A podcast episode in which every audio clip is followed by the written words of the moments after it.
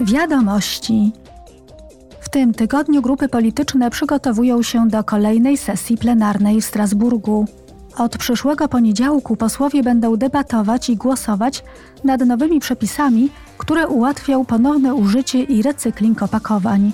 Przepisy mają też sprawić, że niepotrzebnych opakowań i odpadów będzie mniej.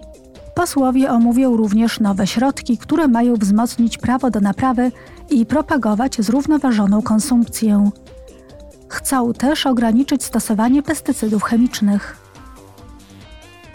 Wczoraj podkomisja praw człowieka omawiała kwestię deportacji ukraińskich dzieci przez Rosję. Skupiono się na dochodzeniach i sprawach wniesionych do jurysdykcji krajowych i międzynarodowych.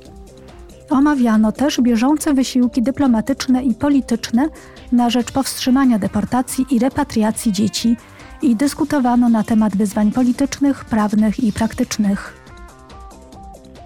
Jutro przewodnicząca parlamentu Roberta Mecola spotka się z ministrem spraw zagranicznych Republiki Armenii Araratem Mirzojanem.